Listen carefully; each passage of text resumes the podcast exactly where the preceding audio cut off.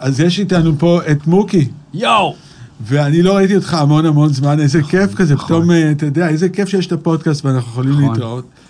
אה, ובדיוק ככה בדרך מלמטה עד לפה דיברנו, ואני רק עכשיו קולט, אתה כאילו עשית עכשיו שינוי בדיאטה שלך, כאילו מאוד קיצוני. זה לא דיאטה, זה התזונה, כאילו... זה התזונה. כן, מאוד, אה, כן, עשיתי שינוי 180 מעלות, מ... אני חייתי מגיל מאוד מאוד צעיר, מגיל 20 ומשהו, על, אה, על אה, תזונה, לא הייתי צמחוני, אבל מעט מאוד בשר, ובעיקר שייקים ירוקים, וכל מיני קטניות מונבטות ודברים כאלה. תזונה מאוד מאוד... אה, מה שנחשב health food style. כזה, ועברתי לתזונה קטוגנית, שזו תזונה שמתבססת על חלבון ושומן בלי פחמימה. זה אומר שאני אוכל כמויות עצומות של בשר, וטוב לי. זה עוזר איך, לי. איך עשית את המעבר? יודע, בקלות, זה- כן, בקלות, בקלות? זה טעים. לא, גם התח- בגלל שהתחלתי, התחלתי להתאמן קצת, לפני שנתיים ככה, אמרתי, אני צריך להתחיל להתאמן. אוקיי. ואז ראיתי שנורא קשה לי, בגלל שתמיד הייתי רזה, נורא קשה לי לבנות מסה של שריר. תמיד אני בחור מאוד, כאילו, דק. ואמרתי, אני חייב להתחיל להכניס, הבנתי שאני חייב להכניס, המון חלבון לגוף, כדי אוקיי. לבנות שריר. אז זה מה שעשיתי, וזה פשוט, אה, וכאילו התאים לי, לא לכל אחד זה מתאים התזונה הזאת, כל אחד והדרך שלו והגוף שלו, אבל לי זה התלבש ממש טוב, אז אני מרגיש כאילו ערני ונמרץ ו... ואנרגטי כל הזמן, כאילו, מרגיש טוב. איזה מדהים זה. אז אוקיי, אז בואי נלך רגע שלב אחד אחורה. עשית, אה, אה, חזרת לא מזמן מגולדסטאר, כן, ממרוקו, ממרוקו, אוקיי, איפה זה היה במרוקו? במרקש. וואו, מרקש. זה הדיב... וואו, היית מרקש, שם? בטח. אהבת? מאוד, מאוד. גם את האוכל? את האוכל אהבת? אני הלכתי לכמה, כן, גם הייתי במשפחה פרטית, אה, ואז הם- אוקיי, ביקשתי שסיפרו- שיביאו קוסקוס. וזה היה the best ever. כי האוכל ככה בזה, האנשים מקסימים מקסימים, האנשים הכי חמודים שפגשתי, הכל vibes וחיוכים וזה. כן. והנוף קצת, קצת הזכירה לי מרקש את תל אביב של ה-70's, שאני מכיר מסרטים. אני- כן, ואני אמרתי זה אשדוד ב-70's, כן, לגמרי. משהו כן, כזה, כן, אבל יש שם תנופת בנייה אדירה מסביב, הכל מתחיל ריזורטים כאלה וקניונים וזה. אז האוכל היה כאילו, בגלל שאני קטוגני, אז לי לא אכפת, אני כאילו, מביאים לי בשר כל היום. ושם הבשר מאוד טרי. הבשר סבבה, אבל, אה, אם אתה לא במסעדה שעולה כסף טוב, אתה לא תאכל טוב ככה בתור תייר, אלא אם כן אתה בבית של מישהו שדואגים לך או מסעדות יקרות. כן. אחרת, האוכל בעייתי. אבל המוזיקה, פגשנו מלא מוזיקאים שמנגנים כל מיני מקצבים מוזרים ו- וכלים מוזרים שאני לא מכיר בכלל. מוזיקת אה, אה, גאווה, גנאווה. גנאווה. כן, זה הסיבה שאני שם בכלל, וואו, כן. וואו, וואו, איזה דברים מדהימים, איזה דברים מדהימים. כן. ישבנו שם, ישבתי במדבר שם עם נגנים, אחי, שעות. הוא מסביר לי איך כל מיתר מייצג משהו אחר, כל זה. וואלה. ב- באיזה שלב כבר איבדתי את ה... אבל אתה יודע שזה, זה זה. זה, משם מגיע הפאנק והרוק. זה מהשיער, ובדיוק מכל הכלים האלה. הם מנגנים את זה שאתה... אני יצא לי לעבוד עם מוזיקאים כאלה, והסיבה שהצלחתי לתרגם אותם, כי אני פשוט קלטתי את הקשר הישיר. זה מאוד גרוב, מאוד מאוד גרוב. במרוקו, במרוקו, הנמל שנמצא באגדיר, אז זה הנמל שממנו יצאו המון עבדים. כן. והמקום הכי קרוב למרוקו זה באהיה, ברזיל. כן. והגנאווה והמוזיקה הברזילאית בדיוק אותו, אה, אותו סווינג יש על אותו. סולמות גם יושבים? לא, זה לא, לא, סולמות לא. שונים. משהו אחר, אבל הסווינג של הבסמבה הסווינג. הוא מרוקאי בעצם. זה. גרוב, לקח לי, בואנה, לקח לי שבוע להבין בכלל איפה ה one. אני. לא, לא, לא הבנתי, הכל כזה רוכב כל הזמן, צ'קה צ'קה צ'קה צ'קה, כל הזמן זה רוכב. עד שקלטתי איך אני סופר את זה בכלל, איך אני מקשיב לזה, כי נגיד, כשיוצא לי להופיע לפעמים עם אה, תזמורת סימפונית או כאלה דברים, כל מיני טקסים והופעות חגיגיות כאלה, אוקיי. זה תמיד, אני תמיד בפאניקה. כי אין וואן, כמו שאנחנו מכירים מה, מהרוק, מהפאנק, מהוואט, אין, זה לא עובד ככה. המנצח עושה ככה, ושנייה אחרי זה מגיע הוואן. אני תמיד כאילו בלחץ שאני לא אשב נכון על ה... אז לוקח זמן לקלוט את זה גם שם, זה כאילו, לקח לי זמן להבין. אז היה לך זמן ללכת לראות מוזיקה וכל זה? יצא לי להיפגש עם כמה כאלה בשטח, לא שהלכנו לראות דברים וזה. באו אלינו חבר'ה, היו מוזיקאים, היו קצת נגנים, היו עניינים, אז אפילו הנהג אוטובוס שלנו, הוא היה בסוף, ה, בסוף היום, ישבנו ביחד, אני והוא, ליד באיזה פינה עם קפה, והוא הוציא את הכלים שלו, והראה לי איך הוא מנגן, ואיזה דברים הוא עושה, והגניב אותי, כאילו, כולם כבר הלכו לישון, אני עוד יושב איתו על הכלי מיתר אחד, שהוא עושה כל מיני דברים מדהימים. רציתי להקליט וזה, אבל הכל אה, דפק לי בטלפון. לא עבד. אז איך זה חוויה של להיות, מה זה הסדר יום שיש לך מתי שאתה נמצא בגולדסטאר? בגולדסטאר, אה, לא כזה מעניין הסדר יום, קמים בבוקר, אוכלים ארוחת בוקר, ומתחילים לצלם עד הלילה פשוט. אז אוקיי, מצלמים. אבל- מצלמים, זה יש כאילו, יש, יש אה, אה, נגיד, אה, זה נקרא ריאליטי בוקר. מה זה ריאליטי בוקר? זה יושבים בחדר ההלבשה ומדברים. יש איזה קטע, בדרך כלל הוא קצת מבוים, מדברים על מה שהיה אתמול, מה אנחנו יכולים לעשות היום, עניינים כאלה, ואז יוצאים לאימון, והאימונים הם, הם כאילו אימוני כדורגל, אבל זה לא באמת נטו כדורגל, זה כל מיני דברים מוזרים, נגיד. אה, אני לא יכול לספר דברים שהיו לנו, אבל נגיד בעונות קודמות, אז אתה משחק, נגיד, אה, אנשים שהם שיחקו משחק על עקבים ובביקיני. לך תשחק כדורגל על עקבים. אז לנו לא היה עקבים, לנו היה דברים אחרים, כל מיני משימות כאלה מוזרות שאתה צריך לעשות. קצת כדורגל, אה, וזהו, וכאילו כל הזמן מייצרים סיטואציות בין האנשים. אה, זה לא פשוט, לא פשוט שמצלמים אותך כאילו 14 שעות ביום, לא פשוט. בדיוק, אני כאילו, זה, זה, זה קטע די מטורף. זה קטע, כן, לא פשוט, אבל uh, האמת שמהר מאוד אתה שוכח שאתה מצולם, אתה פשוט חי. כן. אתה נכנס, זה כמו קצת מילואים, עם חבורת אנשים שלא קשורים אליך, כאילו אחד מכאן, אחד משם, כל מיני אנשים מכל מיני מקומות. אבל, uh, אבל סך הכל היה מצחיק, רוב הזמן. חוויה.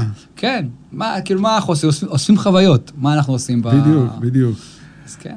אוקיי, ומה היה בדיוק לפני זה? לפני שהיה גולדסטאר, מה עשית בשנה אחת לפני או, זה? בשנה של הקורונה אתה מדבר. כן, כן, כן. אה, קודם כל, בעיקר, בעיקר, אה, אני מסיים אה, אלבום חדש. אז, אוקיי. אז בעיקר, בתחילת הקורונה, בחודשים הראשונים, הייתי משותק יצירתית.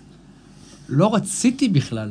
פעם ראשונה בחיים, לא שלא יצא לי לשבת לכתוב, לא רציתי לפתוח את המחברת. היה איזה שלושה חודשים שאמרתי, fuck it, אני לא רוצה לגעת ב... לא, לא, לא, לא היה לי חשק, לא רצון, לא השראה, לא כלום. ואתה בדרך כלל פותח את המחברת כל יום, כל נכון? ערב. כל ערב, יש לי, הילדים הולכים לישון, נגמר הזה, יש לי את הכמה שעות שלי, שלוש-ארבע שעות, שאני יושב וכותב. זה כבר 20 שנה ככה. כל, כל יום, גם אם לא יוצא כלום, זה מה שאני עושה. עכשיו, בשנים האחרונות גם נגיד, הטלוויזיה, אין לי טלוויזיה. אין לי בבית, יש לה ילדים, כאילו, לי אין טלוויזיה, אני לא רואה טלוויזיה כבר שנתיים שלא פתחתי, לא יודע מה, לא רואה.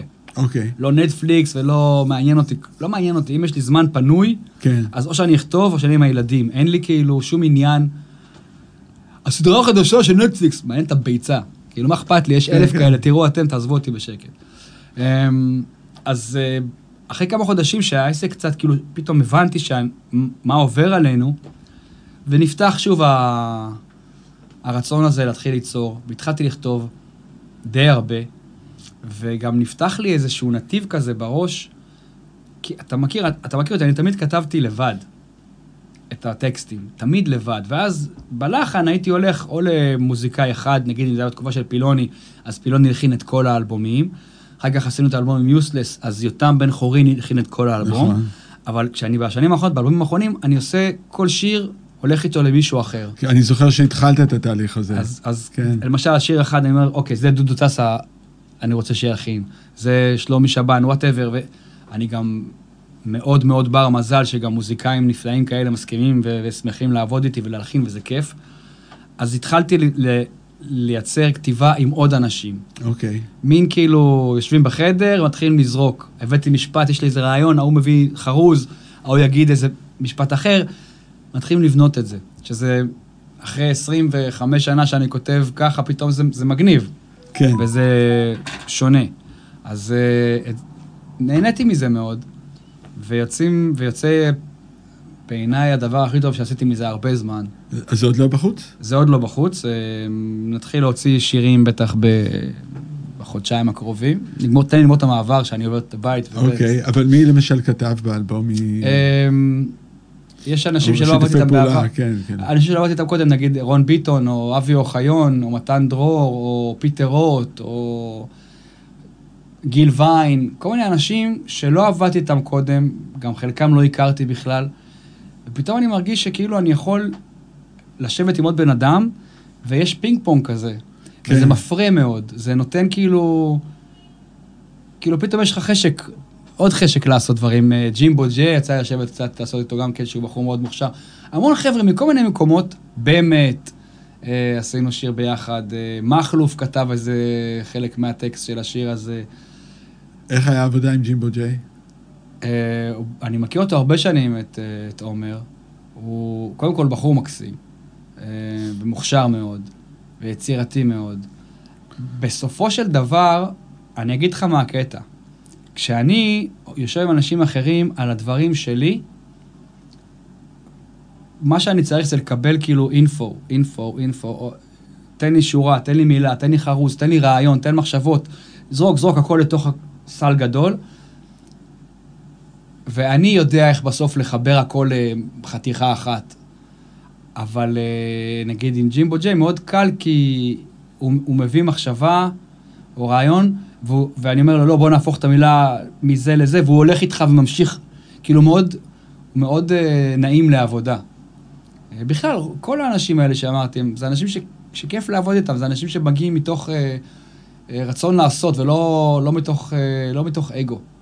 זה מאוד אה, נקי, יצירה, כאילו יושבים בכיף בחדר ועושים, זה לא משנה מי עשה מה קודם, מי מוכר, כן. מי לא, זה לא חשוב. פשוט עושים, וזה כיף. והוא מוכשר מאוד, ג'ימבו. עושה אחלה דברים. כן, אני, אני שואל את זה בגלל שאתה יודע, אתה ראפר במקור, ואולי תמיד. כן. אה, מה אתה בפנים? אתה יותר זמר או יותר ראפר, או שניהם? לא, אני? חושב שאני יותר ראפר, אבל... כי משם אני בא וזה הבית שלי, וגם כשאני כותב שירים, אני כותב אותם כמו ראפר. כן. החריזה שלי, ההושבה של המשפטים שלי. היום ראפ פחות מעניין אותי, כי הגיע השלב שבו כבר לא יכולתי יותר, כבר נמאס לי, יצא לי מכל החורים. גם הרבה מאוד מהדברים שקורים היום בעולם, בהיפ-הופ, לא מעניינים אותי, אני אומר את האמת, מאוד מאוד לא מעניין אותי לשמוע, אני יודע, The Weeknd, לי את התחת. אה, כל מיני דברים שקורים, ממש לא, לא עושים לי את זה בשום צורה. אני מבין שזה נשמע אולי אה, לא, לא, בסדר. אבל זאת האמת. אמ, מה ש- מי שכן תמיד מעיף אותי זה אמינם. את האלבום האחרון שלו שמעת? לא. וואלה, הוא לא יאמן, הבן אדם הזה. הוא גאון ברמות שכאילו... אני מלא פליאה והערצה למה שהאיש הזה עושה. וואו. הוא גאון. הוא, הוא משורר על, על. משורר ברמה של, אתה יודע, בוקובסקי, בודלר, משורר. כן, כן. ומעבר לזה, הוא גם בעיניי הראפר מספר אחת בכל הזמנים, by far. אני זוכר שלפני איזה שנה סנופ דיבר עליו ואמר שלדעתו הוא לא, הוא לא ראפר, או לא ראפר מהגדולים, כי הוא לבן. כן, כי הוא אף פעם לא... כי אף פעם לא מהקהילה, כן. כאילו. עכשיו, אני מבין למה אדם אפרו-אמריקאי יכול להגיד את זה, אבל אני לא מסכים איתו בשום צורה, אני חושב שמה שהוא עשה להיפ-הופ זה לקחת אותו לקצה של הקצה של הכתיבה בכלל, והביצוע, וה... מה שהוא הביא להיפ-הופ, אה, זה מדהים בעיניי, בלי קשר דרך אגב לצבע, אף פעם לא עניין אותי מי, כן. מי באיזה אבל דווקא בגלל, אני חושב שהוא היה צריך, אתה יודע, להיות יותר חזק מכולם. כן? הוא לא- אתה לא יכול להיות במצב הזה בהיפ-הופ בארצות הברית בתקופות האלה. זה לגמרי לגמרי של שחורים, זאת אומרת, כן. הלבנים יכולים להיכנס בביזנס, אבל לא יכולים להיכנס ב front. כן. היו שניים שעשו את זה, שזה אמינם והביסטי בויז. כן, וגם גם הביסטי בויז הביאו את זה, חיברו את זה דרך ריק רובין, ובכלל לעולם של רוק, של, אה, גם של אה, פסיכדליה, של כל מיני דברים, עולמות שהם חיברו לזה. כן, ואמינם חיבר לזה בעיניי את העולם של ה-poetry. כן, אתה מבין? הוא הביא את זה למקום של poetry בכלל. זה לא, זה לא רק ראפ. ובקהילה האפרו-אמריקאית, שממנה ההיפ-הופ מגיע, שזה כמובן הדבר הכי מדהים ונפלא, אני עדיין חושב שמה שהוא עשה poetry wise, אף אחד לא מתקרב. לא מתקרב, גם לא חושב שכל כך מנסים. נראה לי שטוב להם, כאילו, עם... ראיתי פעם, אה, יש כזה קטע ביוטיוב שיושבים אה, דרה וסנופ וכל מיני כאלה, אולד פלס כאלה, והם מסתלבטים על הדור החדש. כן, אני מכיר את זה, כן, כן, כן. מה זה הראפ הזה? זה בדה בדה בדה. זה בדה בדה בדה. זה בדה, כזה, וסנופ כזה כן. צוחק על זה.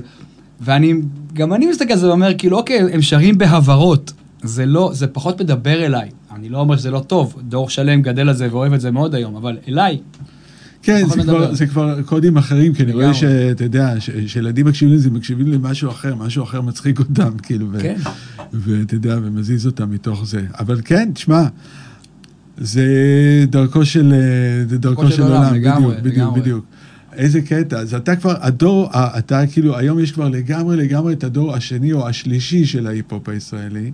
אתה מקשיב למישהו היום? אני שומע הרבה מאוד דברים. אמ, אין הרבה שאני באמת אוהב.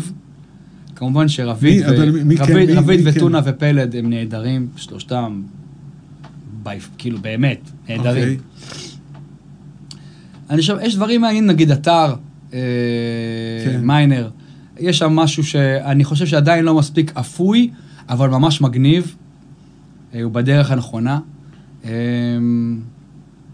יש את הלהקה הזאת שעושה סוג של שב"כ, ברח לי השם. פלא אוזן? פ, לא פלא אוזן שהם אחלה, משהו אחר. שזמת. אמ, שזה נחמד לשמוע, אבל, ב- אבל מהילדים, אה, ויש אה, יש כמה חבר'ה, אני לא זוכר שמות, סליחה, אבל נגיד יש הרבה חבר'ה אה, ממוצא אתיופי, ששולחים לי חומרים כל הזמן שאני אשמע ילדים, בני 16-17, תשמע מה עשיתי, זה אפילו לא מה שיוצא, זה סתם מקליטים בבית אצל חבר או זה, ואתה שומע אמ, שיש שם כישרונות ברמת ה flow, ברמת הגישה לקטע, אבל, אבל טקסטים wise, קשה לי נורא עם זה שהטקסטים לא ממריאים, שלאנשים אין באמת הרבה מה לומר. אוקיי, אז רגע, יש להם שנייה. איך, אין להם את אם המה. מוקי, אם מוקי היה מגיע איזה להקת אה, ילדים שהם, אתה יודע, מוקי בן ה-17, כן. אוקיי? היו שולחים לך היום, כזה, אתה יודע, הם עושים את מה שקורה היום. מה היית אומר על המילים האלה? אתה יודע, מה היית אומר עליהם, כאילו, על שב"כ סמך מהיום, אמ, בטקסטים של האלבום הראשון? אני חושב, בשב"כ היה שילוב, שוב, אה, קצת לא נעים, אני מעיד על עצמי ועל חברים שלי, כן, אבל אני חושב, כן. אני חושב שבשב"כ היה שילוב יוצא דופן של אה, כאילו אה, קשקושים של ילדים, אבל היה בזה, א', חן, גרייס כזה, שהוא הוא, הוא נדיר. חן, בגלל מה, שה, בגלל מה שהיינו, כי היינו, כי היינו ילדים אינטליגנטים, טובים, אבל שיחקנו עם ה-bad boys, כאילו, לא, בהם- לא היינו הרי, היינו ילדים כן. סופר טובים. המשחק הזה, שיש לך מצד אחד גם בחורים אינטליגנטים, וגם שבאים להגיד, בול בול בול בול קוס קוס קוס, כאילו בלאגן, בוא נעשה זה, כזה, זה היה העניין. החיבור הזה, כשהוא נעשה בחן, זה עובד. וכשהוא נעשה בגסות, זה לא קורה. ובחבר'ה של היום, או שהם עושים את זה נורא, בג- נורא גס, לא נעים לי כאילו לשמוע את זה, כי זה קצת על גבול האלים, טקסט ווייז, או שזה פשוט אה, כאילו אה, מנסה בכוח להיות אה, מהורהר או חכם, וזה מיותר. אתה... אני זוכר אחד הדברים הראשונים שאתה אמרת לנו, כשנכנסת לאולפן, אמרת, אתם צריכים לכתוב על מה שקורה בחיים שלכם. אם אתה בתיכון, תכתוב על מה קורה לך בתיכון. אתה לא אוהב ללכת לבית ספר, תגיד, לא אוהב, תגיד את זה, תגיד מה קורה לך, מה אתה מרגיש, מה אתה אוהב, מה אתה לא אוהב, מה אתה רוצה. ו... ו... זה אחת העצות הכי טובות שקיבלתי ככותב. ואני חושב שהיום יש המון, אמ, יש יותר פסאד מאמת. יותר כאילו מאשר הדבר האמיתי. לא כי הדבר האמיתי צריך להיות רגיש ועדין, לא, ממש לא. הדבר האמיתי יכול להיות גם חתיכת פרח אכול בלא, אבל... אבל תדע להנגיש אותו לאנשים, תדע להביא אותו ממקום שכאילו אנשים יתחברו לזה ולא יירתעו מזה. או שזה ירגיש אמיתי. והרבה פעמים זה לא מרגיש לי אמיתי. וכשזה מרגיש אמיתי זה עובד. אז אני אומר שוב, אה, נגיד שפלד שר, אה, פלד שר היידה, אוקיי? היידה. עכשיו כאילו, אה, אני, אתה יכול מקילומטר לשמוע גם את השנינות וגם את הבדיחה וגם את המוזיקליות שיש בזה. כן, זה עצפן. זה קטע. זה מגניב בעיניי בטירוף. זהו, יש את, את העניין הזה שזה הופך להיות fun. כן. זה, אוקיי. אבל ה fun הזה הוא לא fun, אה, הוא לא... אה, אה. הוא כאילו יש בו פאנים, יש בו, יש בו גם שנינות, יש בו מחשבה, יש בו תבונה. אוקיי? יש בו... וזה גם local. כן, לגמרי. ואני אוהב את זה שזה local, כי אנחנו צריכים כל הזמן לחפש, הרי מה, מה עשינו בשב"ק, מה אנחנו עושים כמוזיקאים עד היום, מחפשים איך אנחנו מביאים את כל הדברים שאנחנו שומעים וסופגים, והופכים את זה לפה, כנען 2000, או כל, ה- הכ- הכל זה לחפש להביא את זה לפה, לעשות את זה משלנו. אמ, אז, אז טונה ו- ו- ונץ', רביד, עושים את זה מאוד מאוד יפה, ממש יפה. הם נאמנים לעצמם, הולכים עם מה שהם מאמינים ומה שהם מרגישים.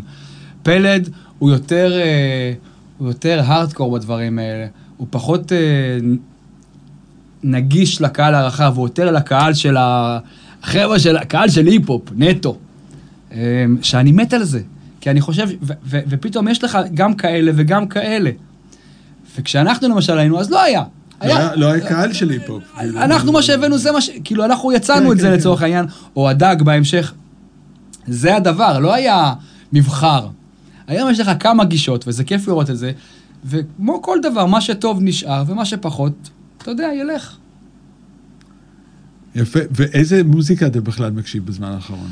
או בשנים האחרונות? אה, האמת שהמוזיקה שאני צורך בשנים האחרונות היא לא מעולמות ההיפ-הופ, מעט מאוד, אמינם אני תמיד עוקב. אה, אני מודה שאני גם פחות צורך מוזיקה חדשה, אני מקשיב לה כדי לדעת מה קורה, נגיד סתם, האחרון שמעתי החדש, די.ג'יי קאלד, האחרון, שזה בכלל ג'מייקה, לא יודע אם כן, שמעת את זה, כן, אבל זה רק ג'מייקה. כן. הכל זה ביזי, סיגנל ובאונטי. ובוג'ו, כן, ראיתי. וזה, אבל זה מאוד אמריקאי, מאוד אמריקאי. אבל זה הדבר, נגיד, האחרון ששמעתי אותו, את האלבום, הקשבתי לכל האלבום כמה פעמים. מעבר לזה, המוזיקה שצורך היא בעולמות של, אה, אתה יודע, של, אני מגלה שירים, נגיד, פתאום איזה שיר בצרפתית, פתאום, אה, נגיד, את ביירות אני מאוד אוהב. כל מיני דברים שבכלל, אני מחפש אנשים שלוקחים מקומות מוזיקליים וחוקרים אותם. כי זה מה שמגניב אותי. אה, יותר מאשר לשמוע משהו מאוד obvious, שאתה יודע מה אתה הולך לקבל. נגיד אם יצא עכשיו אלבום חדש ל... אני יודע... איזה אומן אני עכשיו... אה, בוא נסתכל ברשימה האחרונה של הדברים שלי בזה. אני אגיד לך מה השירים האחרונים שהוספתי בדיוק. בספוטיפיי, ותבין מה אני מתכוון.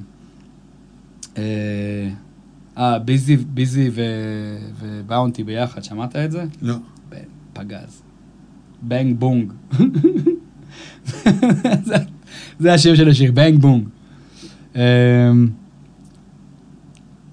אמ, אז אה, יש, יש כמה ג'מייקאים חדשים שאני סקילי בנג, לא יודע אם אתה מכיר אותו? אני לא, אני לא במוזיקה ג'מייקה. אז בג'מייקה יש לך כמה, דווקא הרבה שנים כבר נמאס לי מה, מה dancehall וחזרתי לזה. יש בשנים האחרונות כמה חדשים, יש מסיקה, סקילי בנג, והם פגז, וטי.ג'יי, ויש כמה חבר'ה חדשים ממש ממש מגניבים. בכל מקום אני רואה שיש מסיקה. מסיקה עובד.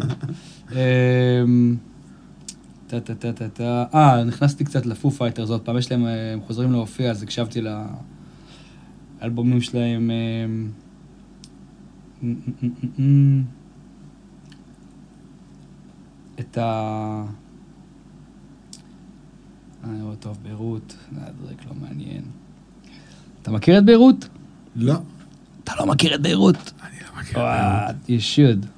מה זה? Um, זה בחור שכאילו זה שם, שם, זה כאילו להקה, אבל זה בן אדם אחד. אוקיי. Uh, והוא עושה, כאילו זה סוג של אינדי, אבל זה, זה הכל נורא אקוסטי, הוא משלב uh, כלי נשיפה וגיטרות אקוסטיות ודברים, וזה, וכתיבה נורא יפה. אני אשמיע לך, אני אתן לך לשמוע כמה דברים. 21 פיילוטס, אני חולה עליהם, הם מדהימים בעיניי. Uh, האלבום האחרון שלהם אמנם קצת פחות טוב, אבל מה עדיין. הם עושים? הם מחברים אה, רגאיי, היפ-הופ, רוק ופופ בצורה שאף אחד לא עשה את זה לפניהם. וואלה. אה, 21 פיילוטס? 21 פיילוטס, אוקיי. פגז. אה, אה, רייג'ינג קינג גם כן, אחד הגדולים. ממש טוב. אני רואה שכל האחרונים זה ה- זה שאני... אה, יש את DMC, Run DMC יוציא אלבום עכשיו. מה אתה אומר? כן, יחד עם הרכב שקורא לו Hellraisers. אז זה DMC and the Hellraisers, תשמע את זה. זה... זה היפ-הופ? זה היפ-הופ, אה, אתה יודע. היפ-הופ עם גיטרות, עם דיסטורשנים, להקת רוק עם DMC ששר, וזה old school היפ-הופ, כאילו, היפ-הופ של ה eighties, של ה-DMC כזה. ממש לגמרי walk this way style, רק כאילו כן. 30 שנה אחרי. אז זה- זה, בשביל זה אנחנו רוצים את DMC, בשביל, הרי יש לו איזה גוון קול כזה. בדיוק. ו- עכשיו, אני לא יודע אם אתה זוכר את ההופעה ששב"כ אה, פתחו לרן DMC, אתה זוכר את ההופעה הזאת? אני הייתי שם, וזו הופעה היסטורית הכי. הזויה הכי הזויה. בעולם, אין דברים כאלה, ולטרון. ולטרון, יאללה בוא נספר את הסיפור, למה זה היה יותר מדי הזוי. אוקיי, הייתה הופעה, הביאו לארץ, היה איזה בחור צעיר, מפיק, עצמאי, שהחליט להביא לארץ את קימיקל בראדרס בשיאם, כן. זה היה עם Galvanize וכל האלה, היה להם שירים פצצה. קימיקל בראדרס ו Run DMC. עכשיו, הוא ו- לקח... ו- את- ועוד איזה בערך 60 להקות אחרות מהסצנה של האלקטרוניקה כן, הכי כן, חדש כן, שיש, כן. שמגיעים מארצות הברית הרבה. שנת 2000. בשנת 2000, ולפסטיבל קראו ג'נסיס. אוקיי. ג'נסיס היה אמור לקרות בגני חוגה, נכון. בבית שאן, בחופש סוכות. זה היה... אה, כן, נכון. כן, זה- זה היה איזה משהו כזה. ואז יומיים לפני, הוא נאלץ לבטל, כי לא קיבל אישורים מהמשטרה או משהו למקום. נכון. ואז במשך 48 שעות לפני ההופעה, כל שעתיים זה מחליף מקום. פעם פה, פעם פה. עכשיו, אנשים כבר לא יודעים מה... עכשיו, זה היה אמור להיות מפורק, מקום של, לא יודע, 30 אלף איש היה צריך להיות. בסוף, ברגע האחרון, ביום של ההופעה, הודיעו שזה קורה בלטרון, נכון. במוזיאון השריון, באמפי הזה של מוזיאון... עכשיו, אתה מגיע ללטרון, מסביבך הכל טנקים כאלה, חצי מעגל של טנקים מכל התקופות ושלטים, האדם שבטנק ינצח וזה, והקימיקל בראדרס עולים כל הקהל דלוק מפוצץ מהם זה כולם בטירוף, כאילו, והכל טנקים מסביב, זה היה מדהים. ואז הופענו עם שב"כ, עכשיו, אנחנו ה- היחידים שקיבלנו את הכסף, כי נכון. דרשנו אותו מראש, נכון. וכל האחרים לא קיבלו כלום. אני הופעתי שם, אני זוכר. הבן אדם ברח מהארץ, לדעתי הוא לא כי- חזר עד היום. הוא חזר, אבל אה, הוא שינה את, אה, הוא שינה את דרכיו. לגמרי. אני לא זוכר אפילו מי זה. היום, היום יש לו חברה, אחת החברות קנאביס בארץ, זה שלו. אה, זה אז כן. הבן אדם אה, חזר בתשובה. אוקיי, אנחנו בעדו. אז- אז הופיעו שם, רן DMC נתנו הופעה פצצה. אמ, ואנחנו חיממנו אותם, הם ראו את ההופעה גם, כי הם הסתכלו מהצד על ההופעה וכאילו פרגנו גם.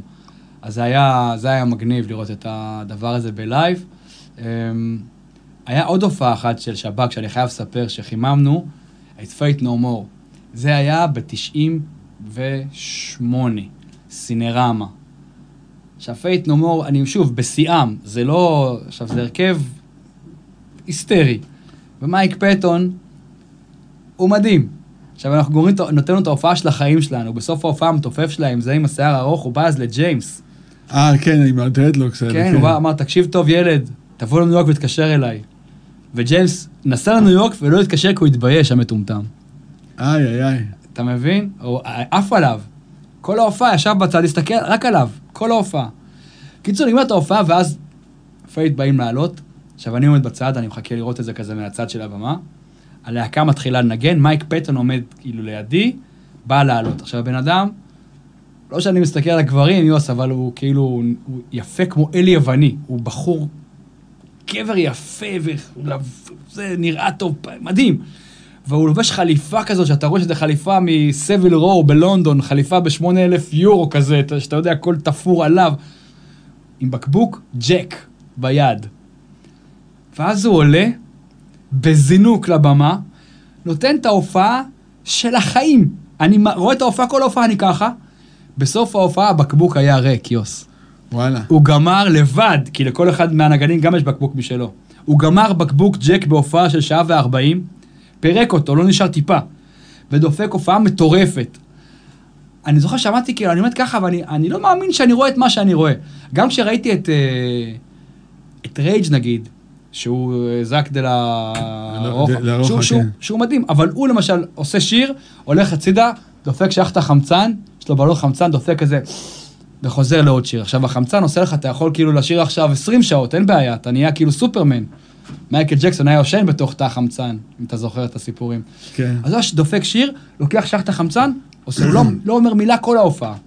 רק היום בפוסטים, אה, אה, ישראל הגזענית וזה. אבל אז, כשהוא בא להופיע ושילמו לו, הוא לא היה, הוא לא דיבר על זה שישראל גזענית. אה, בקיצור, ההופעות האלה, הבית ספר הזה, שבתור ילד אתה רואה את זה וחווה את זה מקרוב, היום כבר לראות הופעה בשבילי, קשה לי. קשה לי, יש מעט מאוד אומנים שאני אראה הופעה, כי, כי זה, זה עבודה. אני לא רואה הופעה, לצערי, כמו צופה. אני רואה את זה כמו מישהו שזה המקצוע שלו. ואני כל הזמן עסוק הראש שלי עסוק, מה זה, מה זה, למה ככה, איך זה ככה, מה זה עושה, מה זה עושה, לא, האם אני יותר טוב, האם אני פחות טוב, האם זה דברים שאני יכול לעשות, לא יכול לעשות, הראש כל הזמן ככה. כן, אתה כל הזמן כל פעיל? הזמן, כל הזמן. נגיד, אני זוכר שראיתי את, אה, בפארק את רובי וויליאמס, אוקיי, לפני חמש, שש שנים. ורובי וויליאמס הוא פרפורמר נפלא. כן. הוא דפק את ההופעה, ואני זוכר, יוס, אני כל ההופעה עומד ככה, בצד ככה, מסתכל. כל מה שאני חושב זה אני יותר טוב. נשבע לך, זה כל מה שעובר לי בראש, אני עושה את זה יותר טוב. אני יותר טוב. אני יכול יותר טוב. זה, זה ככה, עכשיו, גם חזרתי הביתה מדוכא, כי כאילו אני לא באמת מצליח ליהנות to the fullest מהדבר הזה, אני כל הזמן... חושב שזו ההופעה האחרונה שכאילו אמרתי, אני אלך אולי בון ג'ובי גם הלכתי. שממש הלכתי לראות, כאילו, נגיד, אני מגיע לחו"ל, ויש הופעות, אם זה לא איזה מועדון קטן, משהו אז- קטן, אז אני לא אלך. אין לך את החוויה הזאת פשוט לבוא וכזה... לא, אין, אה. אין לי. אה, היה לי את זה אה. בכוורת. שם היה לי את זה.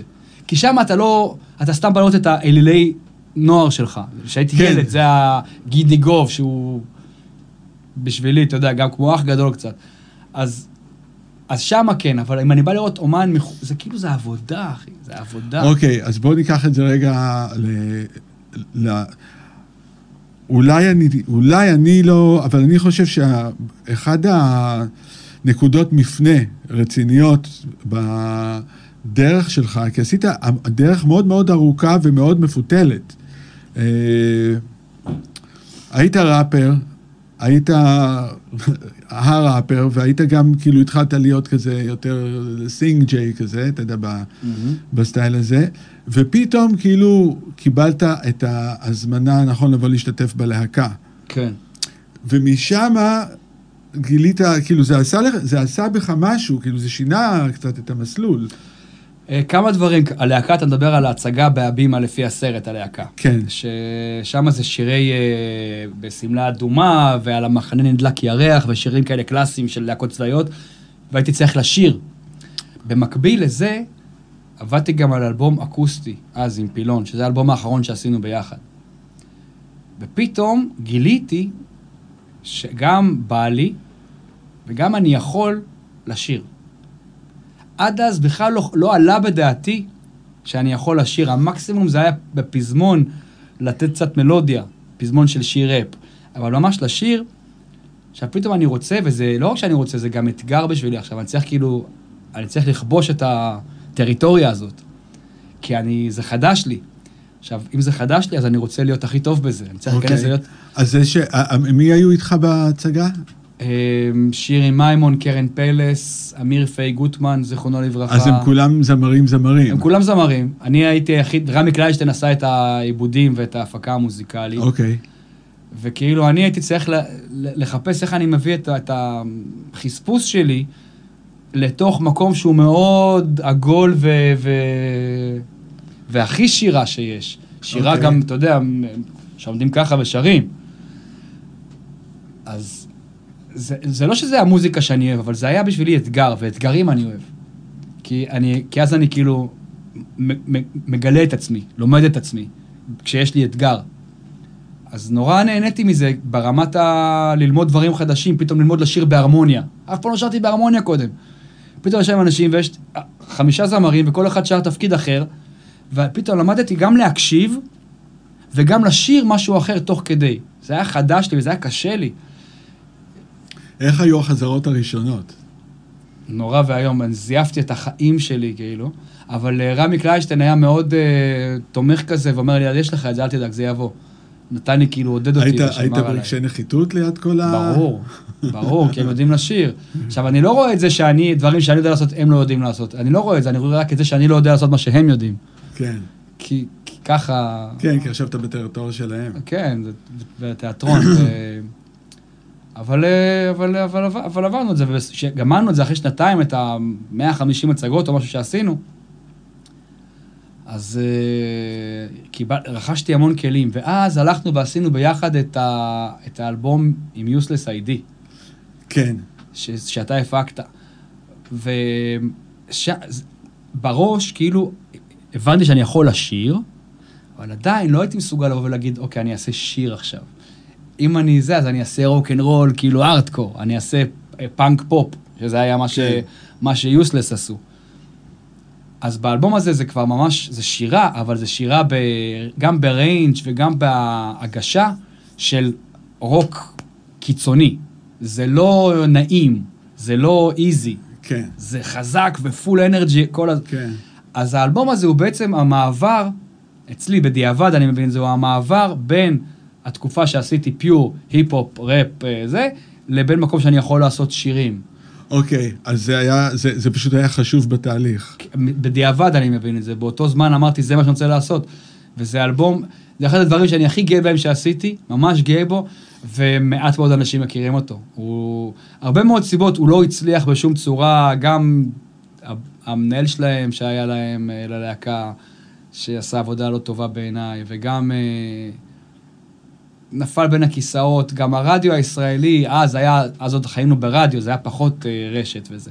לא ידע איך לאכול את זה, לא ידע מה לעשות עם זה, לא אהב את זה, לא התחבר לזה. ומה שכן יצא מזה, זה השיר אה, לא רוצה להתבגר, שאחר כך, שאדיר מילר לקח אותו לסדרה שלו לרמזור, וזה נהיה אחד השירים הכי מוכרים שלי, והכי מצליחים שלי, וואלה. מסחרית, מתוך האלבום שהכי נכשל מסחרית, שזה קטע. כי אם מדברים ביזנס, השיר הזה עשה ביזנס יותר טוב מרוב השירים שעשיתי בחיים שלי. וואלה. כן, כי הוא היה פתיח בערוץ 2, פריים טיים, פעם בשבוע במשך שנים, ואין סוף שידורים חוזרים, ומכרו אותו לחו"ל, וכאילו זה עבד. אבל ברדיו לא השמיעו את זה כמעט בכלל. ואז התחלת לשיר, ואני זוכר שאתה סיפרת לי שאתה הולך ומחפש כבר, אתה, שזה לקח לך שלוש שנים, המעבר ללהיות זמר לגמרי, כאילו. כן. אז, אה, אז היית בעצם גולם באמצע סוג של, כזה, כן, כן, כן. וחיפשת המון המון זמן אה, אה, כל מיני מלחינים, אמרת לי עברת כמעט על כל מי שגר בארץ. מפיקים, כן. עברתי עם המון, עבדתי המון אנשים. סתם, את לב חופשי למשל. עד שהוא הגיע לדודו טסל להלחנה, הוא עבר איזה ארבעה או חמישה או שישה מלחינים שונים. וואלה, כן, והקלטתי את השיר. הקלטת את השיר חמש או שש כן, פעמים. ולא הייתי מרוצה. הרגשתי שהטקסט כאילו יכול לצאת יותר טוב. ואז כשזה הגיע, הגעתי לדודו במקרה, סתם כי היינו מיודדים ושלחתי לו את זה, שלחתי לו את זה בערב, בבוקר הוא התקשר, אמר לי, תבוא היום, תשמע מה יצא. כאילו, תוך, בערב אחד הוא עשה את זה, באתי למחרת, שמעתי את זה, עוד לא גמר להשמיע לי, באמצע אמרתי לו, עצור, זה זה, בוא נקליט. ככה, כי הרגשתי שזה זה. וכל השנים האלה שחיפשתי, השלוש שנים האלה חיפשתי כאילו את עצמי. כאילו, מה אני רוצה לעשות, מה, אני אפילו לא ידעתי מה אני רוצה. ידעתי שאני רוצה, קודם כל ידעתי שאני רוצה. אחר כך ידעתי שאני רוצה משהו אחר. מה זה המשהו אחר? עוד לא ידעתי, אני מחפש, מחפש. ועד שזה התלבש לי, פתאום... אז נגיד לב חופשי יצא ככה, נגיד ילד של אבא, שהיה באלבום הזה, זה קטע, אני אסביר לך איך השיר הזה קרה למשל. אוקיי. זה הכי, הכי לא צפוי. ישבתי אז עם אה, יאיה מהדג, היה כמה חודשים שישבנו ביחד, ונגיד הוא עזר לי, שירים שאני הלחנתי, הוא כזה סידר לי פה משפט, שם משפט, סידר לי קצת בלחן את הדברים, כי הייתי מאוד uh, raw, כאילו, והוא כאילו ידע לסדר את זה קצת, הוא מוזיקאי מאוד מוכשר, יאיה. יאיה, כן, כן, הוא, מאוד, הוא, מאוד. הוא מוזיקאי רציני ביותר. מאוד. וחשבנו גם אולי שהוא יפיק את זה בהתחלה, פחות הסתדר. אבל אה, הוא הביא לי כמה לחנים שהוא כתב, ו... ואיזה יום אחד הוא אומר לי, כאילו אנחנו אומרים, אנחנו צריכים עוד שירים, צריכים עוד שירים. אז הוא אומר לי, תשמע, יש שיר אחד שלא נכנס לאלבום שלי, כי הוא לא היה מספיק טוב. אתה רוצה? עכשיו, קודם כל אני אומר לעצמי, יאיה, ככה אתה מוכר, ככה אתה מוכר, לי שיר, אתה אומר שזה לא מספיק טוב לך, אז אתה רוצה שאני אקח אותו? אבל בסדר, נגיד, תביא, אני- הוא משמיע לי את זה. עכשיו, אני שומע את זה, זה, זה היה הילד של אבא, עם הלחן מוכן, עם, אפילו עם החצוצרה, טה דה דה טה דה דה, הכל שם בפנים כבר מוכן, רק טקסט אחר, שלו. ואני שומע את זה ואומר, ואני קולט שזה לחן בן זונה. ואני אומר לו, אני לוקח את זה, אבל תן לי לכתוב לזה מילים. ויאיה אומר, "אה, חמוד, אני לא יודע, זה שיר, זה חתיכה אחת, זה ככה, וזה, אני אחשוב על זה. אמרתי לו, "טוב, תחשוב. ואחרי כמה ימים הוא חזר אליי, אמר לי, טוב, אתה יודע מה, קח את הלחן ותעשה מה שאתה רוצה. ובראש היה לי את ה phrase ילד של אבא. רק את זה היה לי, רק המשפט- את זה. רק את זה. משפ- הר- המחשבה הזאת, המשפט הזה, ילד של אבא, כמו המון שירים מתחילים ככה, נגיד, אה, לא רואה ממטר. היה לי את המשפט לא רואה ממטר, ואז אני כאילו מתחיל לחשוב, לשחק איתו. אז היה לי את ה phrase ילד של אבא, והוא התלבש לי על הפזמון, או על הבית, לא זוכר כבר מה, התלבש לי, ותוך שבועיים, שזה בשבילי מאוד מהר, מאוד. כתבתי לזה את הטקסט, וזה עבד. אתה מוחק המון, או שאתה פשוט כותב מיליון בתים? ו... גם וגם. לא מיליון בתים, לא. אני עד, כל שור, עד שיוצאת שורה שאני סגור עליה, זה גיהנום. וגם כשהיא יוצאת, אם השורה הבאה פחות אה, מתאימה, אני צריך לחזור אל השורה עכשיו עוד פעם, לסדר אותה עוד פעם, זה כאילו, אין לזה סוף. יש שירים, נגיד שיר כמו עוקף מלמעלה, לקח לי שלוש או ארבע שנים לכתוב אותו. וואו. כן. בית אחד ישב שנה חיכה לבית השני. כתבתי אותו בארבע יבשות שונות, יוס. מוסקבה, סיני, אמסטרדם, קליפורניה, אה, אפריקה. עוקף מלמעלה. עוקף מלמעלה. נכתב בארבע יבשות שונות. מה אתה חוץ אומר? מאוסטרליה, בכל יבשת השיר הזה עבר עד, ש... עד שהטקסט היה מוכן. כי זה בכלל התחיל בתור תרגיל אינטלקטואלי. אמרתי, אני עושה שיר על חרוז אחד. טלפתית, אנטיפתית, מטופתית, הכל על האתית. כן. אז זה היה כאילו תרגיל אינטלקטואלי בשביל עצמי, להביא שיר בן זונה על, על חרוז אחד כל השיר. וזה לקח שלוש שנים. וואו, כן. איזה קטע זה. כן. גדול, גדול, כן. גדול. אז, אז כאילו, אז בכתיבה, שזה, משם אני בא. אני בא משני מקומות, מכתיבה ופרפורמנס. אני לא אולי זמר גדול ואני לא מלחין גדול, אבל אני כותב בן זונה ואני פרפורמר בן זונה. וזה מה שאני יודע לעשות הכי טוב. אז אם אני מצליח ל, ל, לייצר במקומות האלה, תוכן, להביא את עצמי, כן. את הדופולסט, אז אני כאילו, אז אני יודע שהכל יהיה בסדר. וואלה.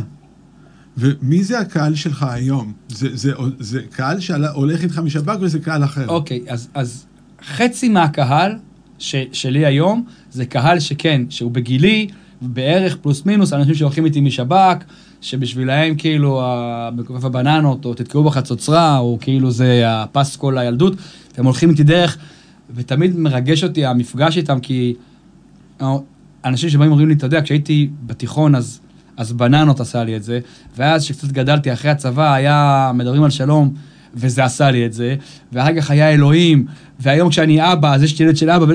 כאילו, הם הולכים איתי דרך, אנחנו חווים ביחד את הדברים, וזה כיף גדול, אבל חצי מהקהל זה קהל שמצטרף בדרך, קהל שבא מלב חופשי ומילד של אבא, ומ... כן, כן, כן. יש כן, גם כן. כזה, לגמרי, לגמרי. יש גם קהל שבא מה... מדברים שעשיתי במשחק, כאילו, שרואה אותי ב... בטלוויזיה ואומר, אה, הוא גם עושה מוזיקה, בוא נראה מה הוא עושה. אז, או, או אוקיי. לפני, לפני חמש שנים עשיתי, הלכתי, עשיתי פסטיגל. עכשיו, שנים סירבתי לפסטיגל. לדעתי, לפחות, לפחות שלוש, ארבע פעמים פנו אליי ואמרתי לא. כי כאילו, היה לי בראש כל מיני מחשבות, להתמסחר, זה כאילו, זה לא, זה, זה, זה, זה. לקח לי זמן להבין שזה fucking bullshit. כי מה קרה? בחודשיים של עבודה, ראו אותי 800 אלף ילדים בין גילאים 6 ל-12. זה קהל for life. מתוך זה כן. מספיק אה, 2 אחוזים. זה, אתה, אתה מגיע לקהל חדש, והם לומדים אותך מאפס. ו... אז ההורים שלהם מכירים, ועכשיו הילדים מכירים. עכשיו, כל העניין בשוק המצחיק הזה שאנחנו חיים בו בארץ, הוא להישאר רלוונטי. נכון. להישאר קיים לעשות. תסתכל בחבר'ה בגיל של שלמה, למשל, שהוא כאילו איזשהו, אתה יודע, כן. רפרנס לכולנו. הוא היחיד שנשאר. היחיד שנשאר, יצירתי, ו... נכון ש... אוקיי, נגיד שלום, גידי, שהם... דני גם, שהם פחות או יותר באותו גיל, הם כבר כמעט ולא יוצרים דברים חדשים. פעם ב... כל שנתיים מוציא אלבום, הוא כל הזמן רעב. וזה למה הוא ניצח את כולם, זה למה הוא שרד, זה למה הוא רלוונטי, אולי, אתה יודע, יגידו אנשים היום פחות, אבל לא משנה, הוא, הוא הדבר. אמ, אז אני מסתכל על זה ואומר, זאת הסיבה שהוא ניצח, כי הוא כל הזמן רעב ורוצה כאילו להגיע לקהל מחדש. וזה בעיניי, זה בעיניי השראה אמיתית. וכל פעם, כל פעם מגיע דור חדש. כשהייתי בן 16, אנשים בטיול השנתי מנגנים גיטרה, שלמה ארצי. גם היום, בני 16, בטיול השנתי, מנגנים ירח, מנגנים זה... לא רק, אבל גם. אני נגנב. אני נגנב מזה, זה כאילו, זה מדהים בעיניי. כי כמה כאלה יש לנו? אין. עכשיו, אתה יכול לאהוב את זה או לא לאהוב את זה, עניין של טעם, אבל, אבל זה שם, וזה, וזה מרתק לראות את זה מהצד. אז אתה, אתה מסתכל עליו כ, כאיזשהו סמן איך אתה יכול להיות, כאילו, יותר, מ- איך, איך אפשר לעשות את זה?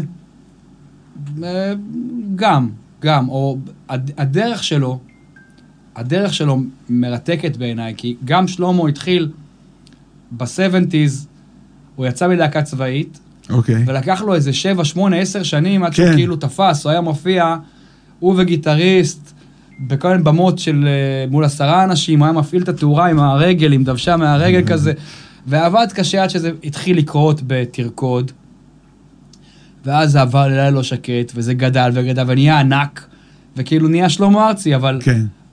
אבל הדרך הזאת וההתמדה וה... למצוא מה אתה בתוך זה, זה בעיניי, זה, זה השראה, זה מעניין לראות את זה, מרתק. איזה מוזיקה הילדים שלך שומעים? Um, הגדול שומע ג'אז, וואלה. הוא עכשיו ב-kind of blue. זה, זה קטע לא, מטורף. זה כן, מדהים. נשבע לך. לא יאמן. הוא עכשיו גילה את ג'יימס דין. וואו. ו... והוא מאוד מאוד אוהב רוק אנד רול, 50's, 60's, 70's, רוק אנד רול כאילו.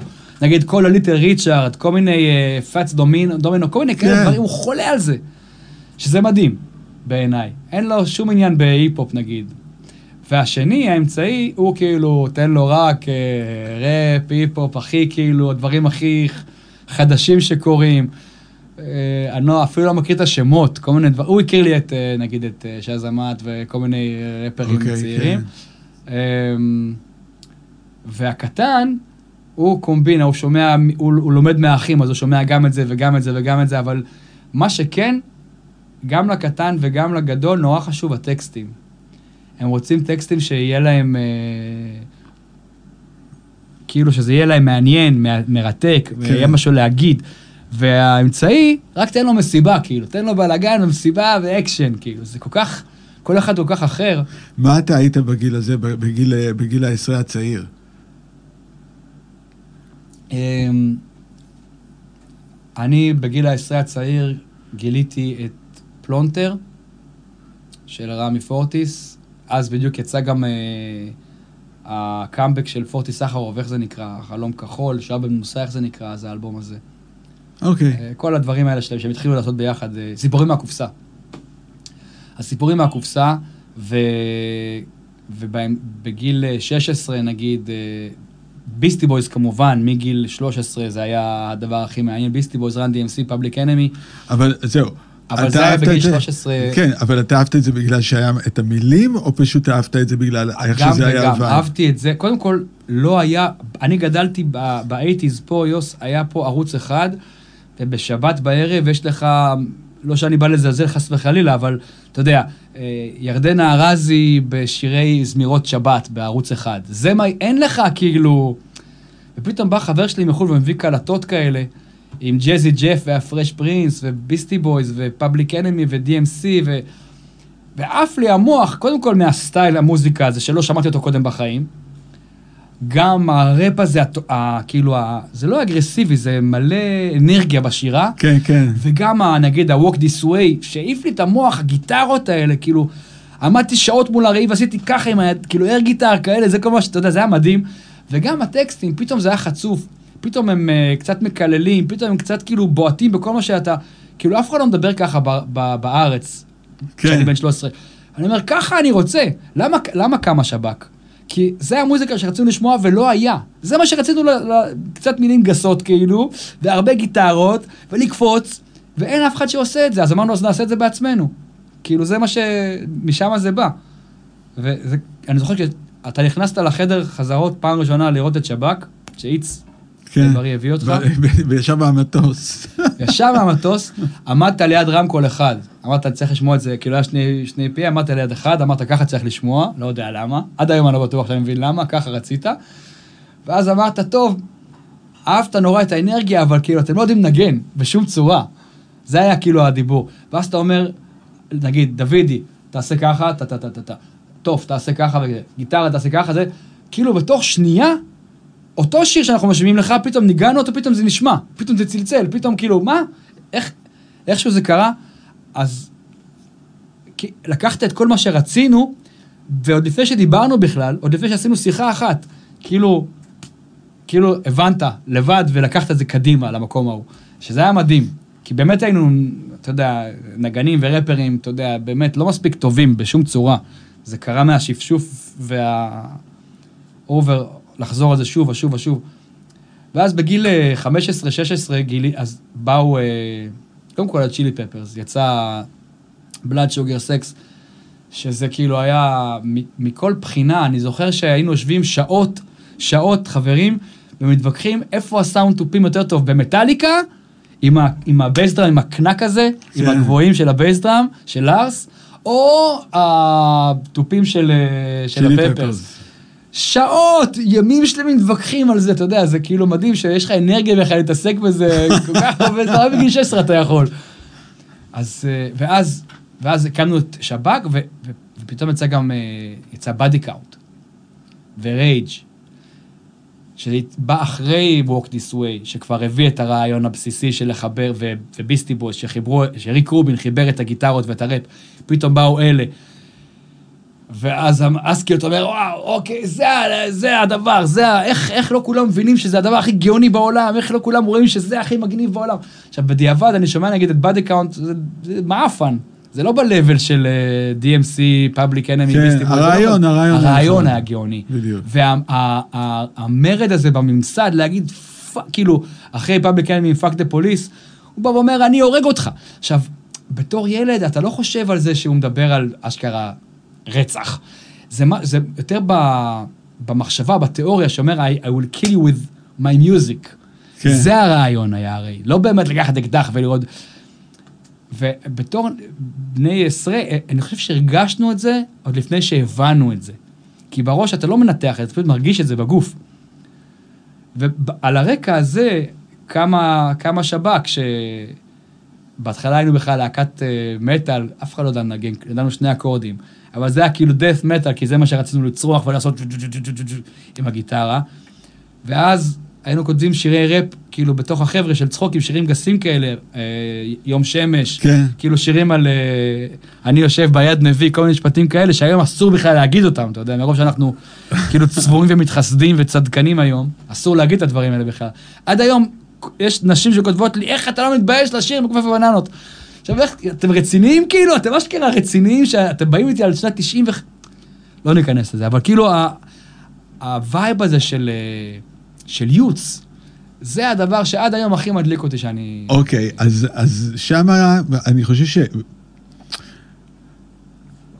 גם קיבלת, קיבלת הרבה דחייה מהמון, כאילו, עצם זה שהמוזיקה, כאילו, לא, לא כולם הבינו בדיוק כן. את מה אתם רוצים להגיד, אוקיי. Okay. ואחר כך אתה התמודדת לפחות פעמיים עם איזשהו מין כזה... בגלל איזו אמירה ש, שלקחו, ואתה יודע, והוציאו מזה, אתה פתאום התמודדת עם אנרגיות כאילו... כן, שיטסטורם. אה, בדיוק, שיטסטורם. איך, מה, מה עובר על בן אדם, כאילו, אתה יודע, שכאילו הולך לישון בלילה, הכל סבבה, וקם לתוך שיטסטורם? אמ, זה לא קל. וזה גם לא נהיה, לפחות אצלי, לא נהיה יותר קל עם השנים. זה, זה קרה לי גם השנה, וזה קרה לי גם בעבר כמה פעמים, וזה קורה פעם בכמה זמן. אבל uh, כאילו מפרספקטיבה של זמן, אני מבין שזה הכל בולשיט. כאילו, אוקיי.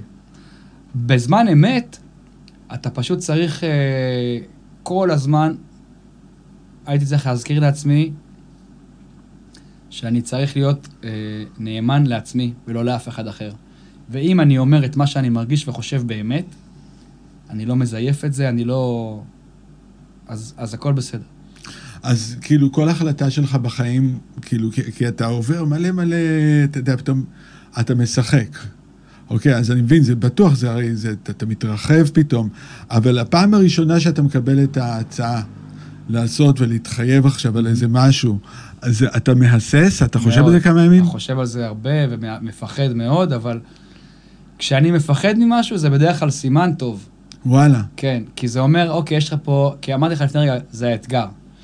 ובסוף אנחנו חיים מאתגרים. אם אני אשאר באותו מקום נוח, אני מרגיש שאני ארדם ושאני אה, אשעמם את עצמי, ואני לא רוצה. אז אני חייב... נגיד, אוקיי, אחרי שעשיתי את ילד של אבא, אז אמרתי, אז הציעו לי את מטומטמת, לבוא לשחק מנהל בית ספר שמוכר סמים ומת... ושוכב עם תלמידות. כן. שזה הכי כאילו הפוך, אמרתי, אני אלך לשם עכשיו. כי אני חייב כל הזמן לשבור את המקומות, שאני מגיע לאיזשהו מקום שהכל נהיה כאילו נינוח, עכשיו בוא נשבור את זה. בוא, נ, בוא נפרק ונעשה משהו אחר, בוא נלך לרחוב אחר עכשיו. איך התכוננת לתפקיד הזה? כאילו, בראש, מהרגע אני שכאילו... רק, רק בראש, רק בראש. אין, אין אה, משהו שאתה עושה, אתה פשוט צריך להבין אה, את התחושה. עם איזה תחושה הדמות הזאת קמה בבוקר. ומה... מה... אז נגיד במטומטמת, אני חושב שמה שהוביל את הדמות ברוב השלבים של הסדרה, זה היה בהלה. בהלה. להיות, להיות מבוהל. הבן אדם מבוהל. כשעשיתי אה, תפקיד אחר, נגיד בסדרה שנקראה מקימי, על אה, יובל דיין, אם אתה מכיר, יובל ונועה נועה ירון. כן. נועה כן, ירון. כן, כן, כן, אז, כן. סד- אז שיחקתי בסדרה על, על החיים שלהם, כאילו שיחקתי את יובל דיין, שעכשיו חזר בשאלה, דרך אגב, וזה. אבל שיחקתי חוזר בתשובה. ושם, אני חושב שההרגשה שהוא קם איתה בבוקר, הדמות קמה איתה בבוקר, זה שאני צודק ואף אחד לא מבין. כולם טיפשים, לא קולטים, שאני צודק. וזה מין אש כזאתי. ואיתה איתה הלכתי. וואלה, מאיפה אתה, מאיפה הבאת, מאיפה הבאת, מאיפה הבנת את זה? אני קורא את הטקסט, וזה מה שאני מרגיש. אתה לי- עושה לזה צ'נלינג כזה. כאילו. אני פשוט, אני ש- קורא ואני, ואני מנסה להבין מה אני מרגיש, אוקיי. תוך כדי שאני קורא את הטקסט, את התסריט. אמ, אבל אני חושב שגם באופי שלי, אני בן אדם ש... אוהב לעשות דווקא. אני אוהב. לא יודע למה, בעיה. אני אוהב לעשות דווקא. אני אוהב אה, לאתגר את עצמי, ואני אוהב גם לאתגר את, את אלה שאיתי. זאת אומרת, כאילו, how you like me now. אתה מבין? בוא נראה אותך עכשיו. עכשיו שעשיתי את זה, איך אתה, מה, מה דעתך? לפני רגע היית מת עליי, נכון? עכשיו מה אתה חושב? שאני חרא? או, הפ... או הפוך, לפני רגע הייתי חתיכת זבל, מה עכשיו אתה אוהב אותי? כאילו, אני אוהב את ה... לאתגר את מי שמולי גם. אמ, זה גם עולה בלחטוף מכות לפעמים, אין מה לעשות, אבל... אה, אז אתה בעצם פנקיסט. יש בזה משהו, קצת, כן. קצת. אני חושב שבעצם, כי מה שתמיד הפתיע אותי בשב"כ זה שאתה באמת היית אוהב את הלהקות פאנק, כן, אך בת הול סרפר, כן, אני זוכר אה, בכל- באטל גדול. בדיוק, אז זה מה שאתה הכי אהבת, ואני כאילו אמרתי, די, כאילו, למה? אבל אוקיי, אתה יודע.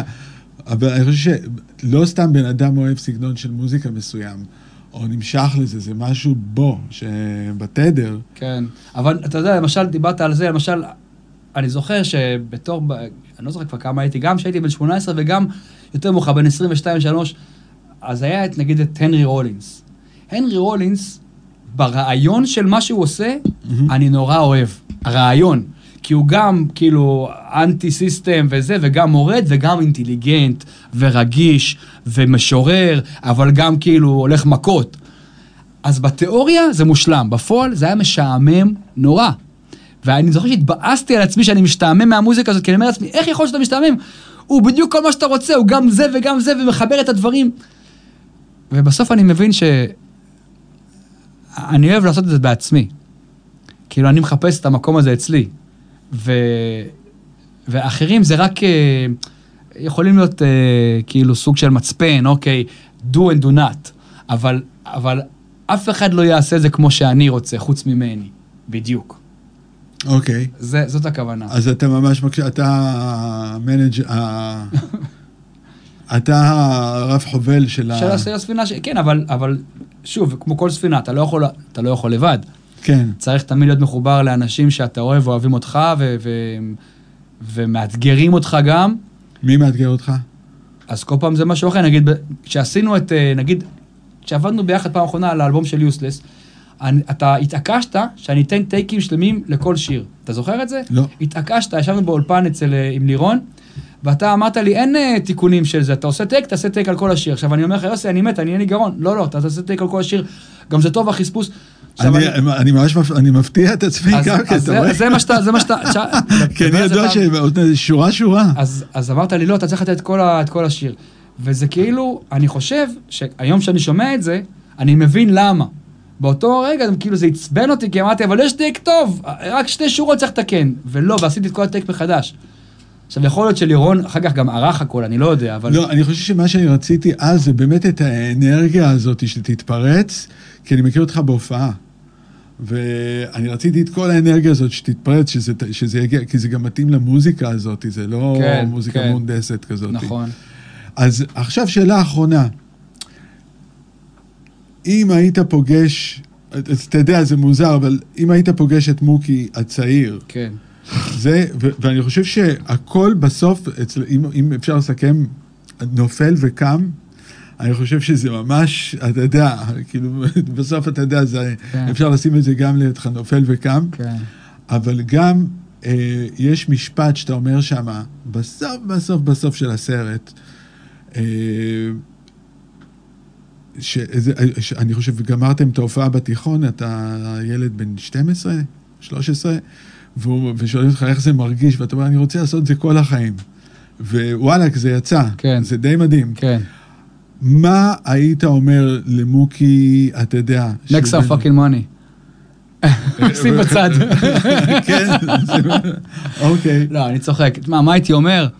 אמ, זה, זה לא כזה, אתה יודע. זה לא כזה רחוק. זה, כן, זה, כן, זה, זה גם גם- זה חשוב. זה גם חשוב. זה גם חשוב מאוד, מאוד, אבל זה לא העניין. המהות של העניין היא אמ, לסמוך על, ה, על האינסטינקטים שלך.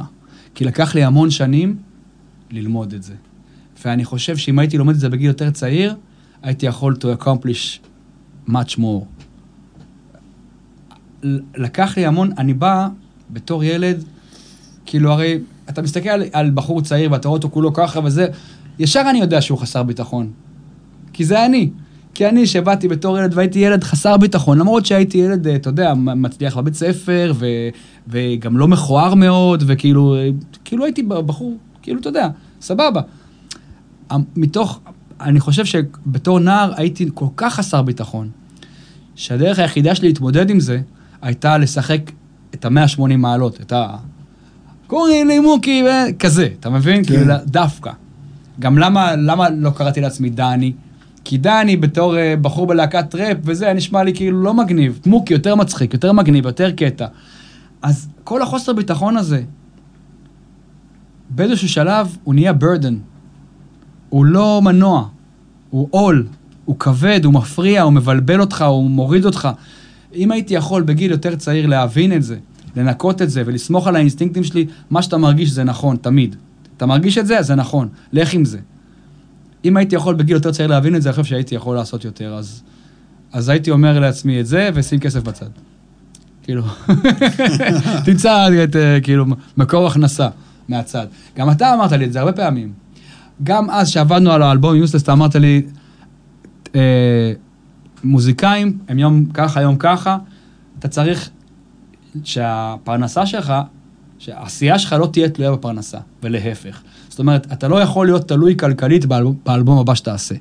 נכון. אסור. אתה אמרת לי את זה כמה פעמים, אתה דאגת לחזור על זה כמה וכמה, תמצא זה, יש לך מקור הכנסה אחר, לא יודע מה, תקנה דירה, תשכיר אותה, לא יודע מה, בלה בלה, מה שאפשר, כדי שכשאתה עושה אלבום, לא תחשוב על זה כלכלית, אלא תחשוב אומנותית. אמ, וזה עצה שאני משתדל עד היום, אה, אתה יודע, ללכת איתה. ואיך היה פתאום, אז אני זוכר, היית אז, אני- היית, אני זוכר שהבאת, כולם אכלו, אתה יודע, הזמינו אוכל, ואתה לא, אתה היית מביא את האוכל מהבית. כן. היית אז ב... בזה, בירוקים. כן, לגמרי. כן. ו-. ואז פתאום קיבלת את, ה- את ההצעה הזאת להיכנס ל...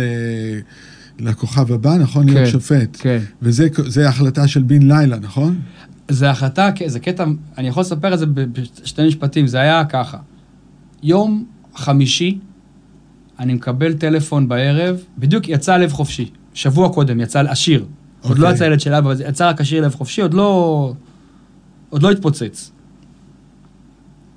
אני מקבל טלפון ביום חמישי בערב מה- מרונית, ה management שלי, היא אומרת לי, הכוכב הבא, בדיוק אייל, אה, השעו אותו מהתוכנית, הייתה פרשה, התפוצצה הפרשה של אייל, גולן.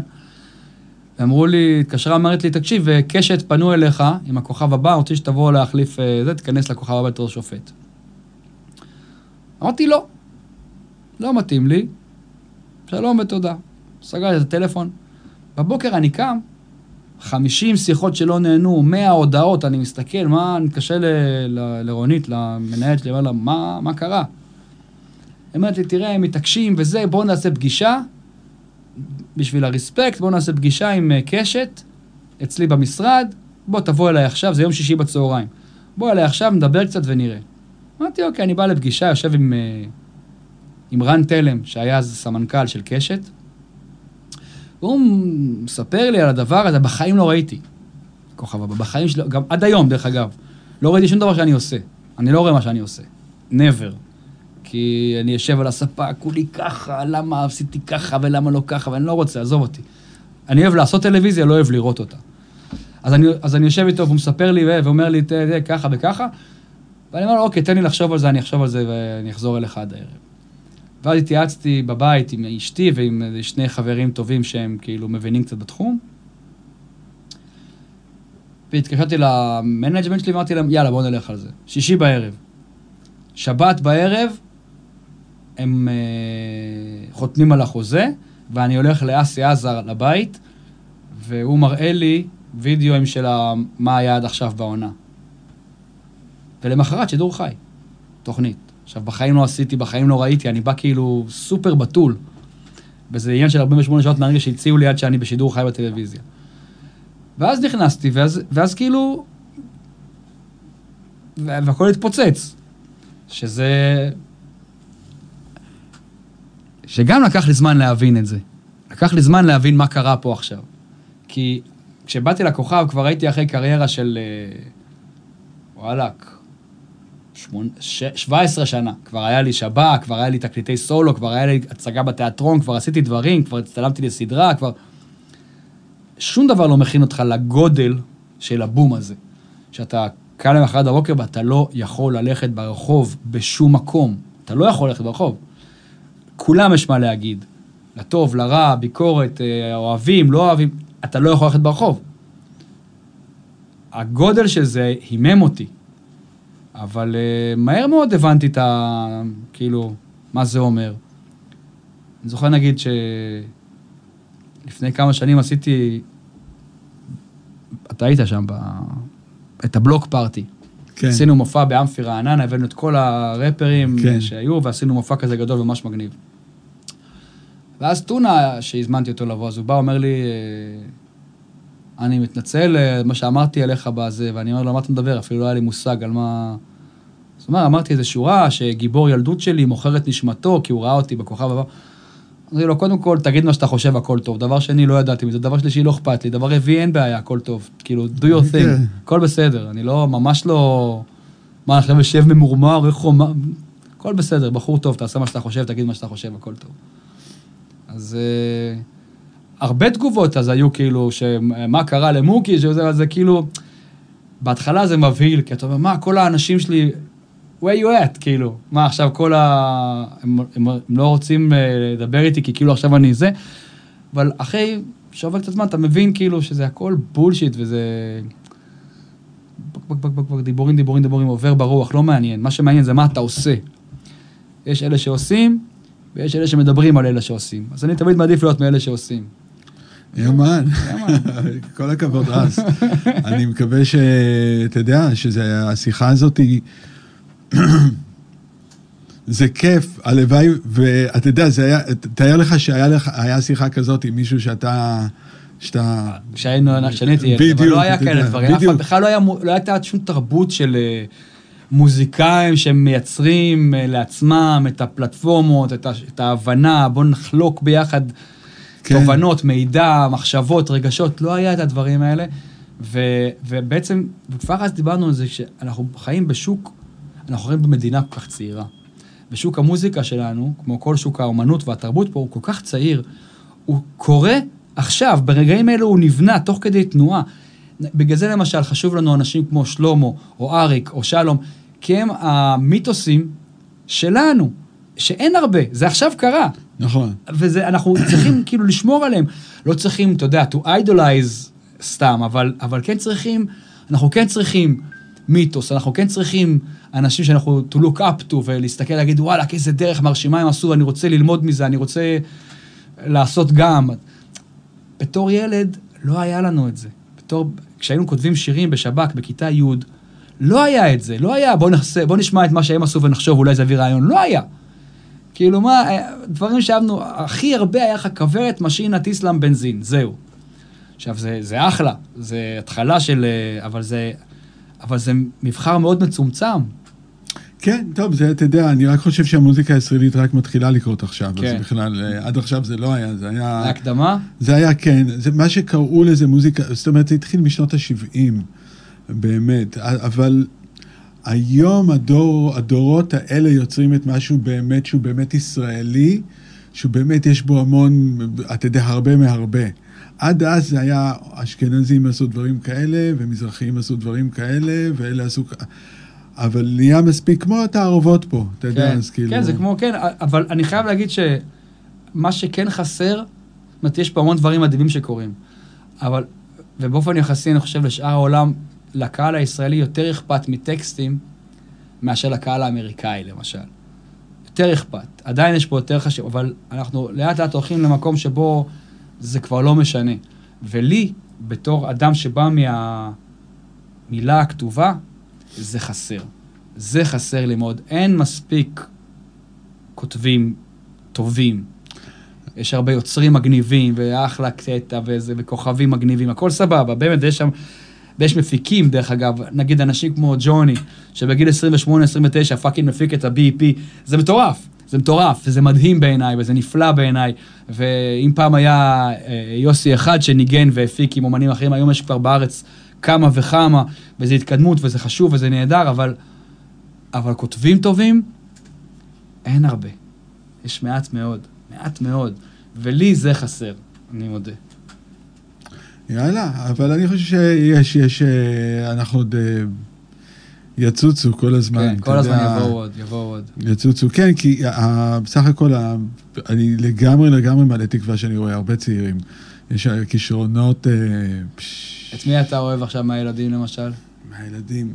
וואלה, אתה יודע מה? אני אפילו לא זוכר שמות. אני אוהב בכלל שיש יש, יש שפע של הרבה דברים. הם עושים את המוזיקה של הדור שלהם, אה, ו- ויש המון המון דברים. סתם, אני אתן לך דוגמה.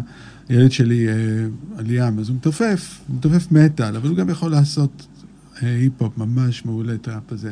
יש לו חבר, גם כן בסיסט. הם מדברים באותו נשימה על מטאל, על משוגע, על ג'ון קולטריין, על, אה, אתה יודע, על היפ-הופ, על רגעי לגמרי, וזה הכל כאילו in one, ועל הרמוניות של ג'אז. זה הכל in one. ו, וברמה מאוד גבוהה. כן. זה נורא כיף, אני יודע, וואלה, אתה יודע, יש, אה, אני גם רואה, אני בוחן לצה"ל אה, נגני ג'אז מצטיינים, תשמע, אתה לא מבין איזה רמה יש פה בארץ, זה מטורף. באים ילדים בני 18, 19, 17, 18, מנגנים ג'אז, וגם יכולים לנגן מטאל, ויכולים לנגן היפ-הופ, מטורף. כאילו רמה באמת באמת גבוהה. אז אני מבסוט, כאילו, שאני יודע ש... אני מקווה שיהיה להם את החיבורים הנכונים, ושהם לא יהיו נפרדים, וכל אחד יעשה לבד מול המחשב את המוזיקה שלו, הם באמת יעשו את זה ביחד. אבל יש פה משהו, אתה יודע, אני רואה את זה מגיע, לגמרי, לגמרי, כבר כמה שנים. וזה, אני חושב שהיה גם מורים מאוד טובים בשנים האחרונות, שגידלו דורות בכל הבתי ספר האלה, ממש טוב. אז עכשיו יהיה הרבה ג'וני, וכאילו מבחינת הרמה. הנה, הבן של אשר, פדי, שעשה גם הנה, כמה... זה, הנה, הוא בדיוק כזה. כן, הוא ידע לנגן פט מתיני. כן. בגיל 15, כן. את כל הסולו של פט מתיני, אתה מבין? כן. כאילו, אז ככה אני ידעתי, כאילו, וואלה, הוא מנגן ג'אז וזה, ואז פתאום הוא טק, טק, טק, אתה יודע, והנה. אז אני חושב שמישראל יכולים לצאת אה, לא מעט בכל הסגנונות, בכל הסגנונות. ישראל היה מקום מדהים במקום הזה, אבל אה, אתה יודע, צריך, אה, אתה יודע, צריך להבין ומה לעשות עם זה, אתה יודע, צריך, זה, זה, זה, זה, השק... אני חושב שאם היו משקיעים בזה קצת מה... יש אנשים שכבר קלטו שזה משאב פה, אתה יודע, אבל כמו שיש בהייטק, כן, או בקנאביס, כן. גם כן. חשוב אה, מאוד. אז בדיוק, אז זה, נוגה ארז זה דוגמה אחת, כן. או אורי רוסו, זה דוגמה כן, אחת, כן, אבל זה פתאום כאילו, אתה מבין שזה מישהי שהיא ראפרית.